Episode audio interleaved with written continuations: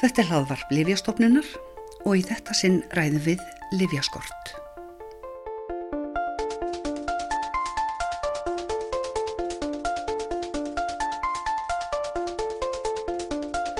Síðustu misseri hefur í auknumæli verið fjallað um Livjaskort í fjölmiðlum en það hefur vandi vegna Livjaskorts farið vaksandi. Lengi var viðtekinn skilningur hér heima sá að Livjaskorts er því sérstaklega vart á Íslandi og einangrun væri um að kenna. En er það svo? Hjalti Kristinsson er livjafræðingur, deildastjóri livjaöryggistildar hjá livjastofnun.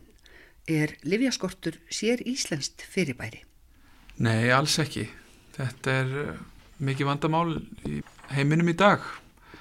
og þó við væri sem vissilega kannski með einhver livjaskorsmál sem megi telja vegna sér íslenskra aðstæðan þá sína tölurnar okkur að, að livjaskorsvandamál er ekki, alls ekki sér íslenskt. Og, og á þetta við bara um allan heimin eða hvernig, hvernig eh, liggur þetta land? Já, það má segja sem svo. Það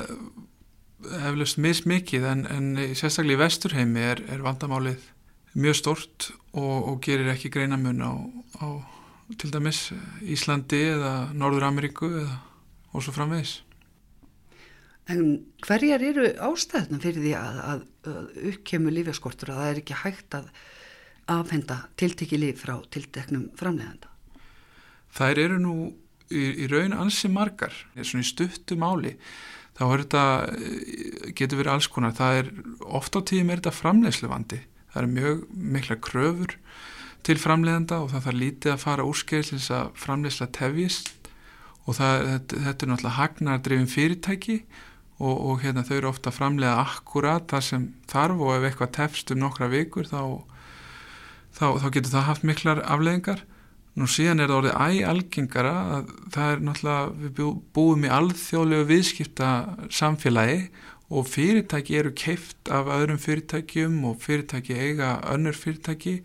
og núna bara á síðast ári var, var allt nokkuð um það, það voru svona alþjóðleg skortsmál þar sem að fyrirtæki sem átti ákveðin liv var selt og nýji eigandin þetta eru enga fyrirtæki, ákveður að rauninni hætta að selja þessi lif og kerfið okkar með þeim kröfum sem eru til lífaframlega býður einfallega ekki upp á það. Og þá er ég að tala um þetta euróska vestræna kerfi að það, það er mjög erfitt fyrir einhvern að koma bara í staðin bara að sí svona þar sem enginn var sko að koma nýtt lif, nýr framlegandi að mæta sko þessum skorti fljótt ef einhverju stór aðilif allt í hennu bara fer, leggur niður sína framlegslu Eh, hefur þetta þá vaksið svona í kjölfar alþjóða, svona aukinar alþjóðavegingar? Ég held sér alveg óhætt að segja að það sé stór hluti af þessu. Fyrirtækin og þessi stærri fyrirtæki eru mikið að hægræða og vissulega að skoða sín rekstur og, og við erum með, með mörg dæmi um þannig sérstaklega þessi svona alþjóðlegu skortsmál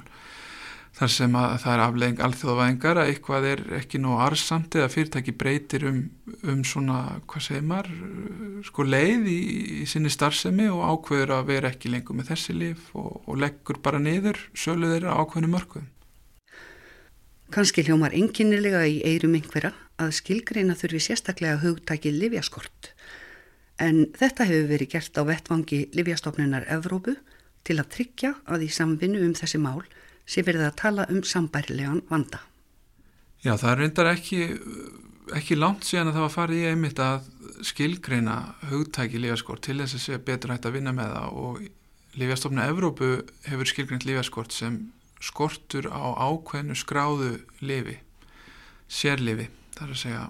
með ákveð virt innhjálpsefni frá ákveðnu framlegenda í ákveðnum styrk Þannig að það er nóg að þetta sé frá bara einum tilteknum framleiðanda. Þannig að uh, sko ef að vantar frá einum tilteknum framleiðanda en það er til samhýttalið frá öðrum framleiðanda en telst það samt skortur. Já, samkvæmt þessari skilgreiningu sem var mikilvæg til þessi betur hægt að emitt ræða á leitalusnum, þá er það einhver síðu lífaskortur að segjum sem dæmi að einhver sé að framlega parasetamál og það er kannski einhver aðri að gera það ef að hann getur ekki búið upp á sitt liv, sitt paracetamól þá verður hann að tilkynna þann lifjaskort og það er þá lifjaskortur á, á þeirri pakningu í raunni lítil áhrif en, en einhver síður á ákveðum tekinum að skilgjörna þetta svona því að það, það reynist alltaf vera vandamál fyrir einhvern, kannski ekki marga í svona tilfellum en, en, en, lifjaskortur er vandamál og meir sé að í þeim tilfell, tilfellum þar sem það er kannski til önnur samhættalif. Uh, vandi fyrir einhverja segiru er það þá í þeim tilvíkun þar sem að viðkomandi getur ekki nýtt sér samhættalifið sem að þó er á markaði en vegna aukaverkan eða einhvers annars? Já, nákvæmlega. Það er oft algeng ástæða fyrir og þetta er kannski bara nokkru einstaklingar en, en þetta er gott dæmum það að jafnvel svona þessi minni livjaskortsmál þar sem liv frá ákveðinu framlegenda er ófánlegt og kannski til nokkur samhittalif það getur verið fyrir ákveðinu einstaklinga samt sem áður vandamál. Hugsaðlega er þessi skilgreining líka tilkomið vegna þess að, að ef eitt framlegandi e, getur ekki afhengt liði sem hann hefur verið að framlega þá ekst væntalega salan á hinnum og kannski getur komið vandið þess vegna. Jú, vissulega og, og þessi vinna hófst fyrir svona einhverjum tveimur árum síðan leita af Livjastofna Evrópu í að skilgrina þetta og líka til þess að taka á þessu og það voru skipta skoðanir hver, hver skilgriningin ætti að vera en það er unni með þetta svona í dag og, og það er einmitt af því að me, megin markmið er upplýsingaflæði og, og þá er einmitt unni með það að upplýsa aðra framlegendur sem eru þá með samtlif um þetta og þeir með þá hugsanlega vona á aukinni sölu af sínum livjum. En hvað með eh, þegar að liv hefur ekki verið á markaði í lengri tíma? Það er kannski líta einhverju svo á að þar sem skortaræða. Já það er mjög skiljanlegt. Maður náttúrulega við upplifum það, það er ákveðin skortur, við talum ekki um sérslega fyrir heilbriðstarfsfólk, það upplifir það sem skort. En út frá þessari hugtaka vinnu og þegar við sem erum að vinna í livjaskorti þá er það að tækla sér ekki livjaskortur það er þá meira vandamál við livja aðgengi kollu við það. Það vantar að, fá livin á marka þegar ekki verið lengi og, og, og vissulega tengist þetta allt því að ef við erum með mörg liv skráð og, og góðan marka og mikla samkeppni þá þegar eitthvað skortir fer í livjaskort þá eru önnur liv til staðar til þess að mæta þeim skorti og það er kannski helst það sem geti verið oft á tíðum kannski erfiðar hér á Íslandi að ekki beint lifja skorturinn heldur það að það aðgengi af fleiri lifjum. Áðan var minnst á að vandi vegna lifja skorts hefði aukist með vaksandi alþjóðavæðingu lifja yðnaðarins. En hvernig geta lifja yfirvöld á hverjum stað þá brúðist við? Þau get ekki stýrt í hvað er framleitt og hvað ekki. Hvað er þá til ráða? Hvernig bregst Livjastofnun við vanda sem tengist Livjaskorti? Já, í, í þessu málum sérstaklega og, og, fleiri skildum þá er það sko skildan á fyrirtækin er að tilkynna þetta að þeir hætti að bjóða að lifa markað tímabundið eða alfarið eh, með um, tveggja mánuða fyrirvara. Og, og það gefur okkur oft mikinn tíma í sérstaklega smæð okkar getur verið styrkur þá að þá hvetjum við og upplýsum, við hvetjum heilsölur til þess að kanna hvort þetta flytja einn sambarilif til þess að mæta uh, þessum skorti og þetta er oft mikið kapplaup þegar upp er að koma sér alþjóðlegu skortsmál. Og við upplýsum heilbrið starfsfólks eins og við getum, látaðu vita að þetta sé mögulega yfirvonandi og yfirvofandi. Og, og það er einmitt hlut af þessum leiðbenningum Európsku lífastofnar að, að þeimun betra sem upplýsingaflæði er þeimun líklar er við finnum lausnir í þessum álum og, og eins og ég nefndi að okkur hefur tekist vel á þessu ári út af því að við erum lítill markaður að þá hafa íslensku heilsunar geta útvega önnur liv sem þá eru ekki skráð hér þau þurfu ekki mikið magn til þess að dekka kannski ástörf en það er erfiðara fyrir löndins og Nóri og ég tala nú ekki um Þískaland að, að, að retta sér fá eitthvað í staðin og það er kannski það sem er, er oft, oft styrkur með lítin, lítin marka. Eh,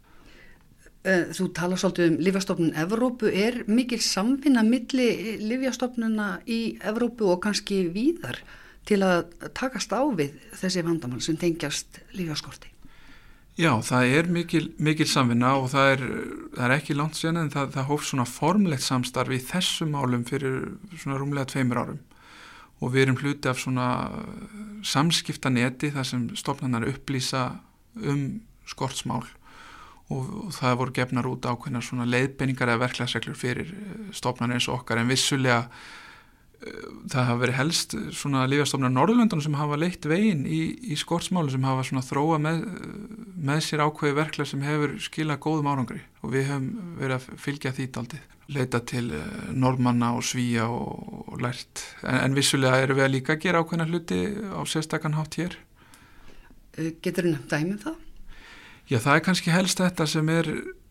kannski flóknara á, þegar markaðurinn er flóknari hér eru við ekki með marka aðla sem er að flytjinleif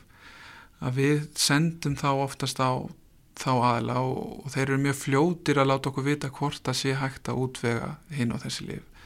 Þannig að smæðin kemur okkur aftur þar að góðum nótum af því að við, við getum fengið svör mjög fljótt, verður hægt að útvega þetta lif eða, eða ekki. Þannig að, að þar eru við aðeins dýnamískar eldur en til dæmis ég hef heyrt frá kollegum okkur í Noregi þar sem þetta er aðeins floknara og, og tala um ekki með svíðu þar sem þetta eru stórar síslur og þeir kaupa inn á mismandi hátt og svona þannig að þar hefur við svona þróað okkar eigið, eigið verklag. Uh, eru þetta líf af einhverju ákveðnu tægi sem að skortir oftar en, en einhver önnur? Er þetta síkla líf, er þetta bóluefni eða er, er hægt að setja eitthvað svoleiðis merkimiða á þetta? Já, það er nú gaman að spyrja það. Ég held að jafnaði sko, er, ekki, er þessi skorsmálu almennt sko, yfir öll, öll, alla livjaflokka, ATC livjaflokka en við höfum verið að rýna í þessar tölur og, og fleiri lönd og það er kannski helst að þetta, það er algengar að þetta eru eldri liv e, það eru svona, svona samheita liv þar sem að sko, já, engarétturinn er farin og það er til dæmis skýrsla frá amerískum yfireldur sem talið að það tengist í að það er ágóðin minni. Það er svona, já, minni, minni kvatar þar sem gróðin er, er minni, það, það virðist vera, þetta er ekki alveg komið ljóst en og síklarlif eru oft kannski í þeim hópi. Það er eins og fólk kannski veit að við erum ekki ofta að fá ný síklarlif, það er nú hluta þessari síklarlifi að ónæmis hérna, umræðu að, að það, það er ofta eldri lif þannig að vissulega geta ákveðni lifjaflokkar Svona, en, en, en eins og ég sagði áðan þetta kemur samt fyrir alla lefjaflokka og líka nýjustu frumlefin við bólefni, nýbólefni er mjög viðkvæm fyrir að eitthvað fær úrskeiðis í framleyslu þannig að næri yfir allt en, en það svona að, að jafnaði virðist, virðist þetta loða meira við eldri svona reyndar í lif eh, Er einhver umræða um það hjá Livja yfirvöldum í Evrópu að uh, hvort er eitthvað hægt að taka á þessu þegar að uh, sko þetta með hagnaðadrifin uh, drifna framleiðslu er eitthvað hægt að grípa inn í eða hafa menn áhuga á því? Það er eitthvað til skoðunar, ég held í Evrópu er þetta aðeins flóknar því að löndin hafa mjög ólík kerfi þegar kemur að greiðslu þáttöku og verðlagningu. Verðlagning hefur þarna áhrif, vissulega og, og hérna, það, það getur verið flóknara. Í, við sjáum frá umræðin í Ameríku og þar er strax byrjað að skoða þetta og jáfnvel sita upp einhverja kvata og ég veit hérna hér hjá okkur hjá Lífastofnun hefur verið kalla eftir tillögum og það er mikil vinni í gangi við að skoða hvernig væri best hægt að gera þetta. Í Nóri hafa verið settur upp á laginnar svona sérstætt batteri og þá er það sá sem kaupir í rauninni lifin það er, það er ríkið að það er hægt að gera þá meiri samninga af því að sko þegar fyrirtæki skrálif hér á marka þá eru þau ekki bundnið í að hafa þau alltaf á marka eins og ég saði frá þau geta tilkynnt með ákveðinu fyrirværa þau að hætla að hætta bjóði upp á tíanbundi en ef innkaupaðali lífjana gerir samninga það er þeim alveg kleift að gera samning til ársum þá er hægt að setja meiri skildur á, á fyrirtækin. En nú kaupir hérna ríkið ekki nema hluta af, af þeim lífjum sem er í umferð.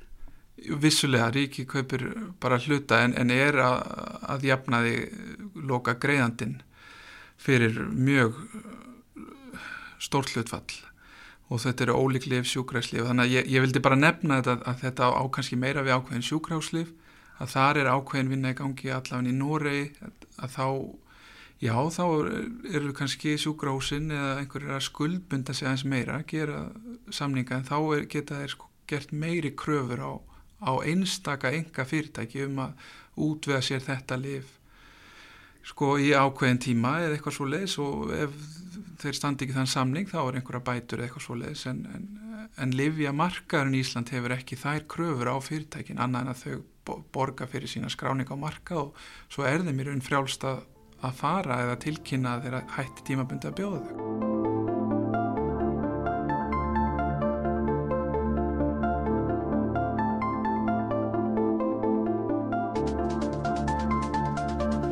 Hvernig er uh, sko svona varðandi tölur eða tíðinni? Hver, hversu mikið, hefur tölur um hversu uh, mikið þetta var og mörg tilvik á, á síðasta ári, 2019? Já, við vorum einmitt að fara yfir þetta. Við fórum upp í 399 tilkynnt tilvik um lífaskort hér á Íslandi sem við höfum að segja er, er, er ansið mikið en við erum líka nokkuð samfærðum að fyrirtækin voru döglega að tilkynna. Þetta gekk vel að hérna, fá aðla til þess að tilkynna inn lífjaskort og helst náttúrulega fyrirfram. Nú samanborurum við, við Norðurlöndin er að við höfum fengið tölur frá, frá Noregi og, og Svíþjóð nú, nú nýlega og það, það er um þúsund tilkynningar. En það verður kannski að hafa í huga, það eru aðeins fleiri liv skráð þar. Þannig að ef við skoðum þetta út frá hlutfalli af skráðan livjum þá er þetta kannski svona sambarlegt en að jákvæða er allavega held ég að við erum að halda mjög utanum þetta, við erum að skrá og meta og vinna hvert einasta tilkynnta tilvík og við erum að taka við tilkynning frá almenningi, það gekk vel árinu. Þannig að já, við, við, við erum nú með tölur og, hérna það var einmitt hluta af þessari vinnu hjá Euróskólíastofni og þeir eru að hvetja Euróskólstofni til þess að skrá þetta og, og svo sé betur hægt að rína í hvað skortir eins og nefnir tíðni hversu mikið og þá er mögulega hægt að já, vinna með það og reyna að fækka og minga óþægindi út af þessum lífaskorsmálum. Þú segir tilkynnt, eh, tilkynntur lífjaskortur, eh, er það, voru þá tilvíkinn 399 þar sem að virkilega vantaði líf eða kom þetta ekki allt fram? Já, já það er rétt á bendin á það, það ég held nú í all flestum tilvíkum hafi komið til einhver skorts en við hvetjum fyrirtækin í að tilkynna væntanlega neða fyrirsjálan skort. Ég veit um allmörg dæmið sem það á endan kom ekki til skortsins. Þessi fyrirtæki hafa sko sjá fyrirfram kannski mögulega einhver framlegsla eða, sko eftirspurnin verði ómikil og þau ná ekki að mæta því en svo, svo getur ræst úr og það verði jafnvel engin skortur og þá er ég að tala um á þeirra lifi þegar þetta fyrirtæki var með Þannig að þetta kannski, þetta er ekki alveg eins mikið og gæti litið út fyrir að vera. Nei og hafa bara í huga að þarna er fjöldin allur af, af lifjum þar sem kannski van, þetta er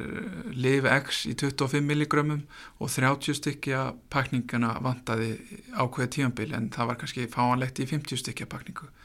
Þannig skortsmál hafa tiltulega lítil áhrif á, á nótendur og ávísendur, læknana sko. Þannig að það getur verið til eitthvað, eh, já, í öðru, öðru magni og, já, jáfnvel á öðru livjaformi. Já, á öðru livjaformi og, og eins og við nefndum fyrr, eh, samheitalif. Það er svona, já, það er mjög stórt hlutfall af þessum 399 er, eru svona tilkynningar. En það er engar síður mikilvægt að, að, að þetta sé tilkynnt og við höldum utanum þetta. Það er svona erfiðar að þessi mál þegar sko, það er ekkert samhællef til og þetta er bara einpakning þá, þá reynum við að lesa það öðruvísi með fyrirtíkjan að hugsanlega flytjinlif sem eru, hafa ekki markaðslifi Já og það er svona daldi tví já það er tví ekki að sver sko að hérna það er jákvæði því að það tekst nær oftast og það eins og nefnda það er, það er mikil kostur, það er næsta útvega í rauninni sko sama virka livjæfnið lifið er til í landinu en óþægendin fyrir, fyrir lækna og nótendur að þetta er komið í undan þá kerfið og það þarf nýja lifi ávísun, við, við áttum okkur á því og þetta er mikil vinna bæði fyrir okkur og náttúrulega helbriði starfsfólkið og, og, og hérna nótendurnar en, en við, það er þó skára en að það sé bara alls ekki fáanlegt þetta lif. Undan þá er lifjakerfið nefnt þarna. Lög segja til um að ef útveðað er óskráð lif það er lif sem hefur ekki markaðslifi hérlendis, þurfi læknir að gefa út undan þá lifsiðil sem flækir málið eins og Hjalti saði. Mart hefur verið gert hjá Livjastofnun á síðustu misserum til að takast á við vaksandi vanda vegna Livjaskorts í því skyni að milda áhrifin fyrir nótendur, sérstaklega, og auðvita einnig lækna og livjafræðinga apotekana. Settu hefur verið upp síða á vefstofnunarinnar með upplýsingum um livjaskort fréttum og ráðleggingum og einnig nappur á fórsíðu vefsins sem vísar á leiðir til að tilkynum lífjaskort, bæði fyrir lífjafyrirtæki og almenning. Þá var afgreiðslureglum vegna undan þáu livseðla breytt á síðast ári þannig að livjaheildsölum yrði heimilt að selja apotekum undan þáu liv án þess að fyrirleiki samþyktur undan þáu livseðil. Í sumum tilvikum hefur einnig verið heimilað að undan þáu livseðla megi fara með beint í apotek þótt seðilinn hafi ekki verið samþyktur fyrirfram hjá livjastofnun. En einn liður í aukinni upplýsingamiðlun livjastofnunar vegna livjaskorts er listi yfir liv sem livjafyrirtækin hafa tilkynnt að muni fyrir sjáanlega vanda. Það er líka að finna upplýsingar um ástæðu skortsins og ráðleggingu livjastofnunar um önnur úræði.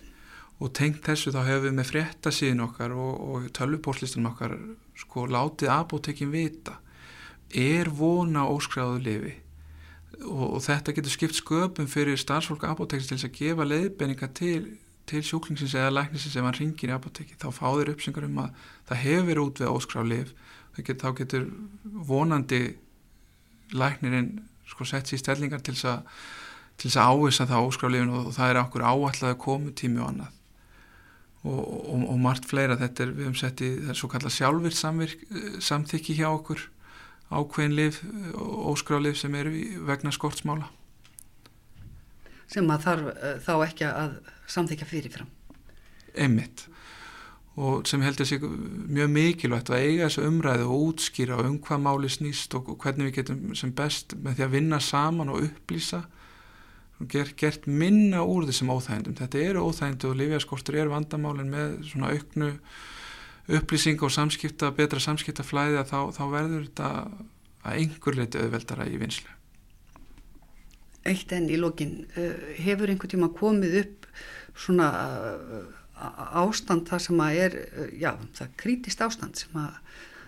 sem að getur stemt í vandræði.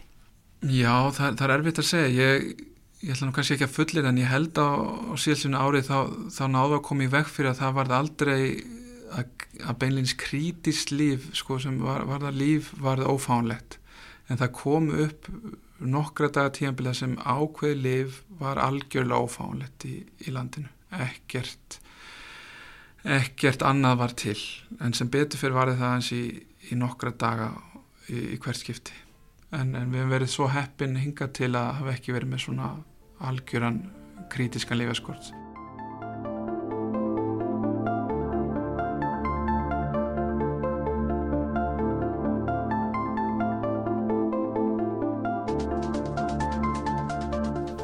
Þetta var Hjalti Kristinsson, deildastjóri Livja Öryggisteildar hjá Livjastofnun að segja frá ástæðum Livjaskorts og úrræðum til að taka á þeim vanda. Og þar með segjum við þetta gott í bíli. Takk fyrir að hlusta á hlaðvarp Livjastofnunar.